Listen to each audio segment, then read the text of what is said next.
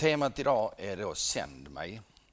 Jag kommer till att läsa den gamla testamentliga läsningen och sen kommer jag till att eh, dela med mig en vittnesbörd lite ur den. Eh, som jag har valt att kalla Från den jordiska frånvarande Fadern till den himmelske närvarande älskvärde, kärleksfulla Fadern. Så den gamla testamentliga läsningen den låter så här. Herrens ord kom till mig. Han sade Innan jag formade dig i moderlivet utvalde jag dig. Och innan du kom från, fram ur moderskötet helgade jag dig. Jag satte dig till profet för folken. Men jag svarade, O Herre Gud, jag kan inte tala, för jag är för ung. Då sa Herren till mig, säg inte, jag är för ung, utan gå vart jag än sänder dig och tala vad, vad jag än befaller dig. Var inte rädd för dem, för jag är med dig för att rädda dig, säger Herren. Och Herren räcker ut sin hand, rörde vid min mun och sade till mig, se, jag lägger mina ord i din mun. Jag sätter dig idag över folk och riken för att rycka upp och bryta ner, förgöra och fördärva, bygga upp och plantera. Jag kommer till att komma tillbaka lite till några stycken här i min berättelse här nu. Jag föddes här i Helsingborg 1963 i en familj som bara bestod av en mamma. Min pappa har varit frånvarande alltid. Jag har aldrig träffat honom, jag vet inte vem det är ens. När jag föddes så eh, föddes jag med abstinens för att min mamma hon drack under hela sin graviditet. Så att jag fick medicin för det när jag var liten. De första månaderna i mitt liv var jag mycket ensam. Min mamma hon drack jättemycket och jobbade på en krog i Helsingborg så att eh, hon var mycket ute och festa. Och jag vet inte, men ni som är lite äldre helsingborgare känner kanske till när gasklockan exploderade här i Helsingborg. 63, 64 någon gång. Den dagen var jag hemma helt själv i min lägenhet, eller i vår lägenhet. Och vi bodde bara en bit ifrån gasklockan så alla rutorna flög in i, lägenheten och så, då var jag där själv. En väninna till min biologiska mamma hade en, eh, eller visste en familj som var eh, barnlösa och kunde inte få barn. Så att eh, hon eh, pratade med den här familjen och de var då beredda på att ta det här barnet som fosterbarn, vilket då var jag. Och då var jag fem månader. Så då började jag hos dem som fosterbarn. Och sedermera, när jag var nio månader, så gick det över i en adoption. Så att då adopterades jag av de föräldrarna. Då. När jag kom till dem så eh, hade den sista tiden hos min biologiska mamma hade varit fruktansvärd. Så jag var helt fullt täckt med välling och bajs, eh, stora kakor på hela kroppen. Så jag var ännu en gång på sjukhus eh, för att då ta bort det och så naturligtvis. Och det var mycket sjukdoms, sjukdoms för mig då och sjukhusvistelse. Mina föräldrar, eh, adoptivföräldrar, jag sov jättedåligt. Jag, jag var liksom eh, mörkrädd och jag, jag var helt, helt eh, förstörd. Liksom. Så de första åren där var mycket problem, där eh, de fick eh, kämpa verkligen. Mitt liv de första åren där minns jag inte så jättemycket av utan det är mer att att mina föräldrar har berättat för mig. Jag döptes eh, utav gamla pastor Stenberg i GA-kyrkan. Då var jag, bara, då var jag två år, så det gick jag fram till prästen. Han tog mig i hand. Välkommen, nu ska vi döpa dig, sa han. Det ska vi göra. Så, så eh, då, var jag, då var jag så pass gammal. Eh, sen när jag var sju år så började jag skolan då. Och då, då var det en upplevelse som jag eh, har tagit med mig hela livet. Där min mamma kommer in till mig i mitt pojkrum och sätter sig på, sin, sätter sig på min säng. Och hon hade alltid en sån här gammeldags städrock, ni vet en sån här som tanter hade på den tiden med stora röda blommor på. Hon sätter sig på min säng och så berättar hon att eh, jag måste berätta en sak för dig, sa hon. Okej, okay, säger jag. Och eh, så säger hon att bara så du vet det så är vi inte dina riktiga föräldrar. Utan du är adopterad. Så du har föräldrar som, som eh, är dina biologiska. Okej, okay, säger jag.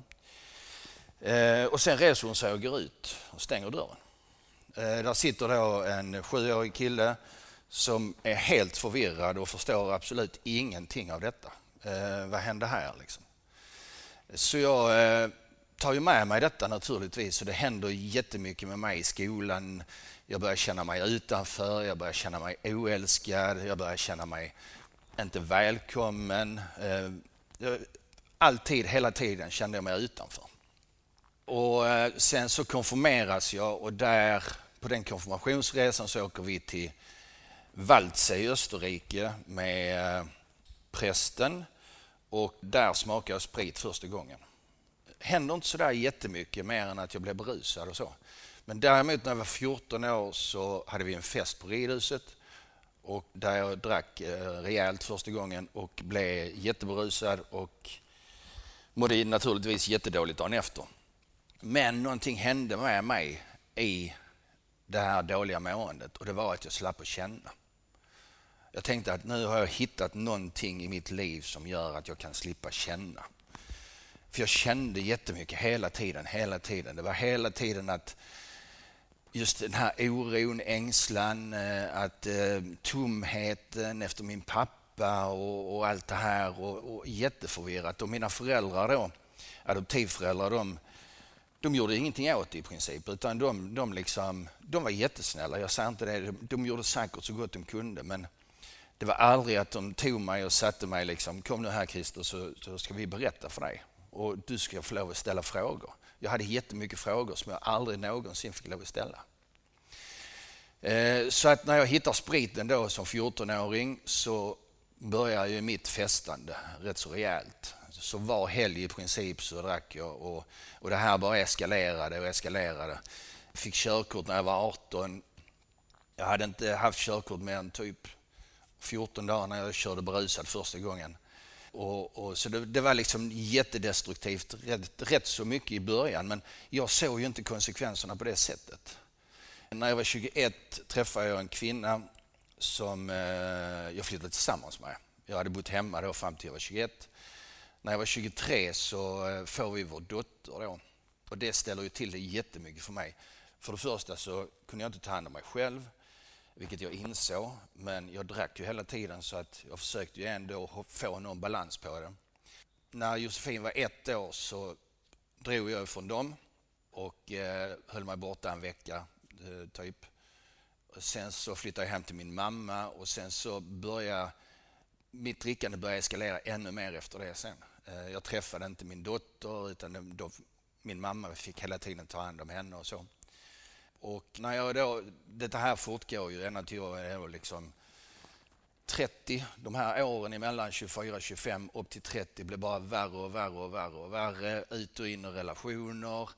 Allting bara destruktivt. Och jag förstår någonstans inom mig att jag jagar någonting. Och jag förstår någonstans inom mig att det finns ett tomrum som jag försöker fylla med detta. Men jag vet inte vad. Jag, jag, hela tiden, hela tiden så försöker jag liksom att fylla det här. Jag har ingen jag kan prata med, jag har ingen som jag kan nämna detta för ens. När jag då, vi säger över 30 där, jag flyttar till en annan lägenhet, det blir ännu mer destruktivt. Eh, jag kommer upp och så då eh, flyttar till Gävle en sväng, eh, träffar en kvinna från Gävle och får för mig att nej, men det blir jättebra om jag flyttar till Gävle, det blir bara ännu värre och så kallt som bomben där uppe så det var inte alls roligt. Så efter åtta månader så flyttade jag tillbaka till Helsingborg igen. Träffade en kvinna där som verkligen brydde sig. Och det, det, är faktiskt den enda kvinnan jag kan tänka på när jag tänker på, på eh, relationer relationer så som jag, som jag har dåligt samvete för. För jag betedde mig jätteilla. Det var otroheter och det var eh, fyllor på helgerna, jag var borta flera dagar och så. I detta här träffade jag en kvinna då som jag gifte mig med som eh, också är alkoholiserad. Och när vi då har gift oss så flyttar vi från Helsingborg ut till Ängelholm. Och detta här är de tre, fyra sista åren i missbruket som är total misär. Allt ifrån självmordsförsök till att eh, jag vaknar på morgonen och ligger i kramper där eh, min, min fru då får liksom hälla i mig vin för att kroppen ska lugna ner sig. Det var jätte, jättemisär. Jag jobbade för en dansk åkare så vi körde liksom på hela Norden. Jag ska köra ifrån Ängelholm till Finland eller till Stockholm för att ta båten över till Finland. Jag har en hel låda med öl bak i, i sängen. Jag började dricka redan i Ängelholm när jag, när jag kör därifrån. Dricker hela vägen. Mellan, Stockholm, eller mellan Södertälje och Stockholm så är det eh, en bit som är omkörningsförbud. Jag bryr mig inte om det utan jag kör om en annan lastbil. I den kön som är bakom mig med bilar så ligger där en polisbil. När jag kommer om den här lastbilen så eh, stoppar de mig. Eh, och när jag ser polisbilen i backspegeln bakom mig så den första tanken är att nu så går allting åt pipan. De kommer att ta mitt körkort, jag kan aldrig dra mig, tala mig ur detta. Men sen kommer också ett lugn. Ett oerhört lugn som bara fall över mig. Och jag bara kände att åh, nu är det över. Så när jag tittar i backspegeln så ser jag ju blåljusen, men jag ser det som ett stjärnfall. Eh, jag ser det precis som att hela bilen fylls av stjärnor. Liksom. Jag bara tänker, vad är detta? Liksom så. så när polisen kommer upp och jag öppnar vänsterdörren då, och ni kan ju bara tänka er stanken som kommer ut där med, blandat med cigarettrök och, och öl. Och han bara säger till mig, polisen, att jag får nog hoppa in på din högersida, sa han.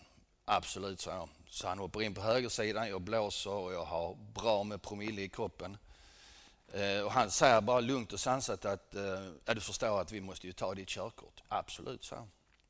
Den här processen tar lite tid men för att kortfatta den så är det att jag åker till polisen in på stationen för att eh, man får blåsa i en speciell maskin så att de får fram 100% i promille och så.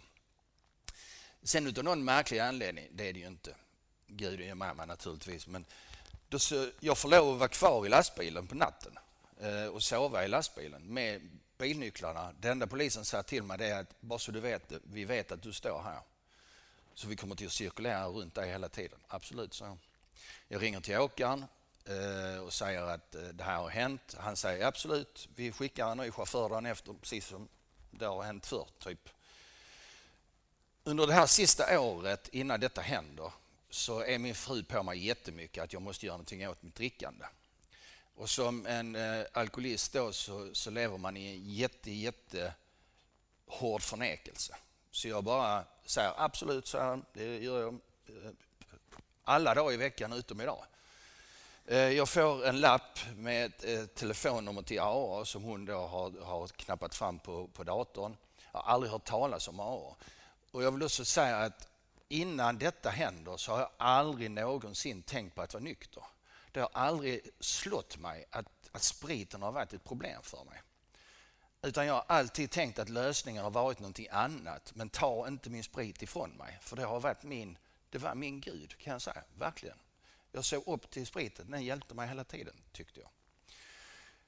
Jag sitter i lastbilen, ringer till AA. Eh, två timmar i samtal där med två människor som är jättevänliga.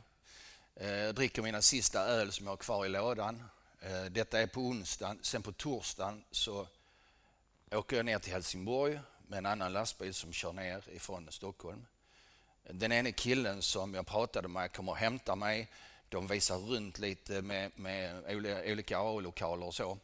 Och från den torsdagen, där börjar min resa i nykterheten. Jag var på mitt första AA-möte, då hade jag bara två dagars nykterhet. Kommer ihåg det som det var igår också. Eh, här i Helsingborg, eh, första augusti. Där sitter en, eh, en stockholmare med, med vit eh, pikétröja, Leyland Scott och rutiga golfbyxor och så. Jag bara tänkte, vad är detta för en samling människor liksom? Jättebråkiga. Vad ska vi prata om här? Jag fattar absolut ingenting. Jätterädd, jätteosäker. Men jag fortsatte att gå på möte. Jag fortsatte att gå på möte, kom in på behandling. I behandlingen som jag gjorde, det var en tolvstegsbehandling. där pratar man om någonting som heter högre makt. Och jag tänkte, okej, okay, vad kan det vara för någonting?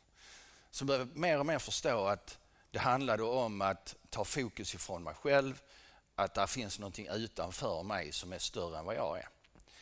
Min behandlare var djupt troende, visste jag inte då. Men han var med på hela min resa. Så att jag gjorde behandling och sen då för typ 6-7 år sedan så ringer han mig och vi har haft lite kontakt. Eh, så, så säger han till mig, du hur är det med din tro? sa han. Eh, vadå med min tro? Ja, Jesus och så. Ja, vet jag inte, så det, det är väl bra. Ja, så pratade vi lite och så. Och sen två dagar senare, så, eh, av en händelse, så stöter jag på honom på Väla. Och så sätter vi oss och pratar där också. Så säger han, du, eh, har du tänkt på det jag pratade om? Ja, jag har faktiskt det, sa jag.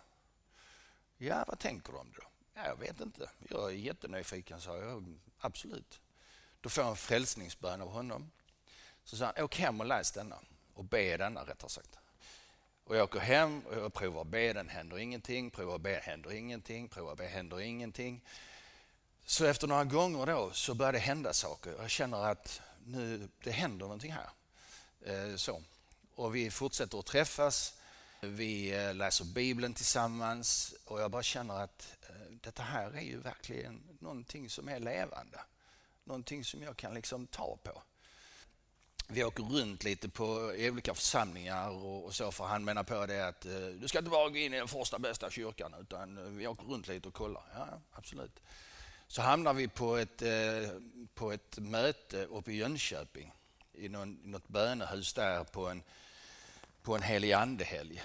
Eh, där jag bara fylls av den helige ande och jag bara känner wow, jag blir varm i hela kroppen och det bara liksom Ja, det blev verkligen, verkligen på riktigt. Eh, och sen åker vi runt lite mer. Jag kommer in genom dessa dörrarna här och jag bara känner att wow, vilket välkomnande. Verkligen. Och sen har jag hållit på att gå här. Eh, så. Det jag däremot tänker på det är just att den himmelske fadern han gör ju mig levande i min tro var dag. Och jag tänker på just det här med att inte ta, inte ta honom för givet utan be till honom, lämna över till honom. Efter jag kapitulerar och blir frälst så känner jag bara att han är verkligen levande var dag. Och jag tror att det är så med många av oss att vi har den här eh, avsaknaden av pappa om ni förstår vad jag menar. Just det här med att han finns där. Han är där hela tiden. Det är inte så att det är bara när vi vill, eller när han vill rättare sagt, utan det är när vi vill. Vi kan knacka på dörren eller öppna dörren så står han där. Det är bara frågan om att vi ska släppa in honom. Och Jag tänker på det här som jag läste i början, som där står på väggen här. Innan jag formade dig i moderlivet utvalde jag dig. Och Det har slått mig många gånger sen att, för min tanke har ju varit att det, det var inte meningen att jag skulle komma till livet. Jag skulle varit en våt fläck på lakanet. Liksom. Det, det har slått mig många gånger. Men när jag blev frälst och jag tog till mig Gud efter en, efter en predikan som Daniel gjorde med att Herren är din fader. Då klickade det till i mig, ja just det, det är han ju. Jag behöver ju ingen jordisk fader. Han är min fader. Det har inte varit meningslöst att jag har levt och att jag har upplevt det jag har gjort. För jag kan stå här idag och berätta om det och föra det budskapet vidare. Och sen den andra meningen just med att jag är för ung. Jag, kan, jag har ingenting att säga. Och då säger jag att just att du är inte för ung. Jag lägger orden i din mun. Det är upp till dig att tala mina ord. Och jag tänker på det många gånger. Jag försöker att svära mindre. Jag försöker att eh, ja, så, verkligen tala hans ord. Och Jag tror att det är jätteviktigt att göra det och att göra det hela tiden, hela tiden, hela tiden. Jag ber till Gud innan jag tar kontakt med en klient på jobb, ber att han ska vara med i samtalet. Och det hjälper. Det ger verkligen, verkligen styrka. Han är allsmäktig. Han är himmelen och jordens skapare. Så är det bara. Så att, eh, ja, han är den största och mäktigaste. Vi ber. Tack Jesus Kristus. Tack store, store Herre. Att du är den största och mäktigaste. Att vi kan komma till dig alltid, alltid, alltid. Du finns där. Du förlåter oss. Du visar oss vägen. Tack store Gud för det. Och jag ber dig att du öppnar våra sinnen och våra hjärtan för dig. I Jesu Kristi namn. Amen.